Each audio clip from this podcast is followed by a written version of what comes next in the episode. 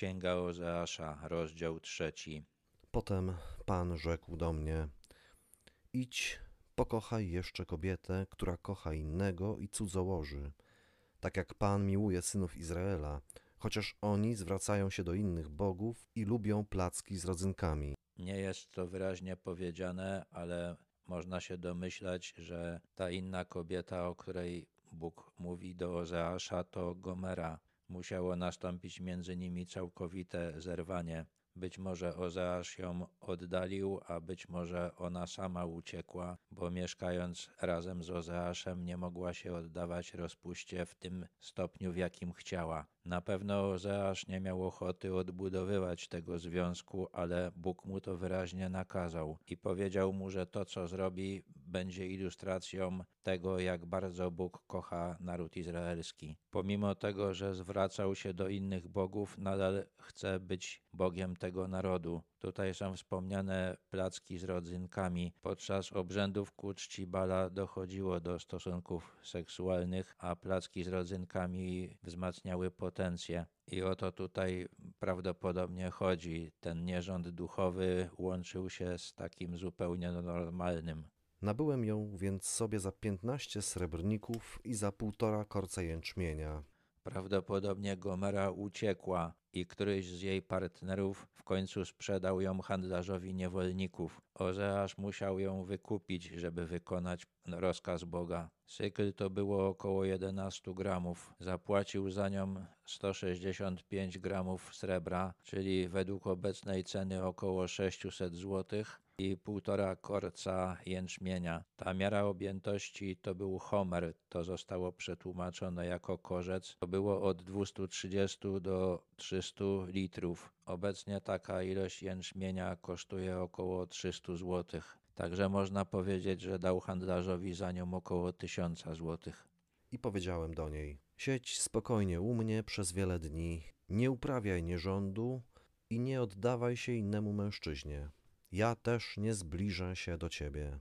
Ozeasz wyznaczył Gomerze dłuższy czas abstynencji. Chyba chciał sprawdzić, czy to, czego doznała, rzeczywiście czegoś jej nauczyło, czy nie jest już skłonna oddawać się każdemu, kto się tylko nawinie. Poza tym, po tych wszystkich zdradach, pewnie nie miał ochoty na normalne pożycie z nią gdyż synowie Izraela będą przez dłuższy czas bez króla i bez księcia, bez ofiary i bez posągu, bez efodu i bez terafów. To, co zrobił Ozeasz, było ilustracją tego, co zrobi Bóg. Wydaje mi się, że Izrael jest teraz w tym momencie swojej historii, który odpowiada temu, co Ozeasz w tym wierszu napisał. Państwo Izrael już istnieje, Żydami nie można poniewierać i wykorzystywać ich, ale nie mają świątyni, nie mają kultu Boga. Wydaje się też, że nie za bardzo go szukają. Są w tym narodzie Hasydzi, są też Żydzi mesjańscy, ale większość jest duchowo obojętna. Procent ludzi deklarujących ateizm jest tam najwyższy na świecie. Wygląda to w sumie tak, że naród, który utworzył Bóg, aby mieć z nim najbliższą więź, zupełnie Boga nie chce, a Bogu jakby nie zależało na tym, aby to zmienić. Potem synowie Izraela się nawrócą i znów będą szukać Pana, swojego Boga, i Dawida, swojego króla, i w dniach ostatecznych z bojaźnią zwrócą się do Pana i jego dobroci.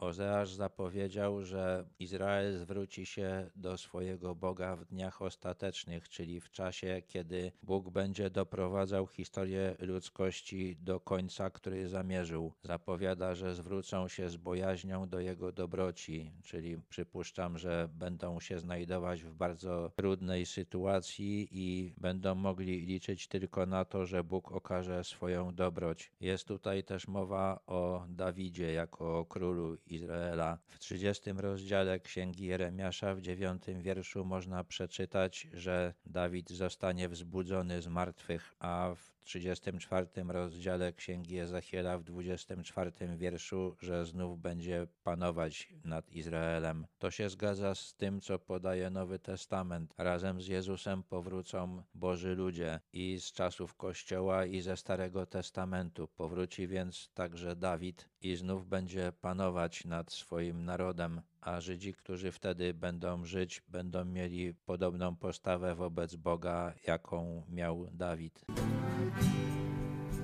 Nie się mądrością, Panie, nie szczycę się z dostatku swych sił. Nie jestem dumny z tego, co posiadam, tylko Tobą, Panie, szczycę się. Jakże wzniosły jest Twój tron, Ty rządzisz narodami, jakże wzniosły jest Twój tron. Cała ziemia drży, jakże wzniosły jest Twój tron. Panie mój, Zbawco mój, tylko Tobą szczycę się. Jakże wzniosły jest Twój tron, Ty rządzisz narodami, jakże wzniosły jest Twój tron. Cała ziemia drży, jakże wzniosły jest Twój tron. Panie mój, Zbawco mój, tylko Tobą szczycę się. Nie szczycę się mądrością, Panie, nie szczycę się z dostatku swych sił. Nie jestem dumny z tego, co posiadam, tylko Tobą, Panie, szczycę się. Jakże wzniosły jest Twój tron, Ty rządzisz narodami, jakże wzniosły jest Twój tron. Cała ziemia drży, jakże wzniosły jest Twój tron. Panie mój, Zbawco mój, tylko Tobą szczycę się. Jakże wzniosły jest Twój tron, Rządzisz narodami, jakże wzniosły jest Twój tron. Cała ziemia drży, jakże wzniosły jest Twój tron. Panie mój, Zbawco mój, tylko Tobą szczycę się. Panie mój, Zbawco mój, tylko Tobą szczycę się.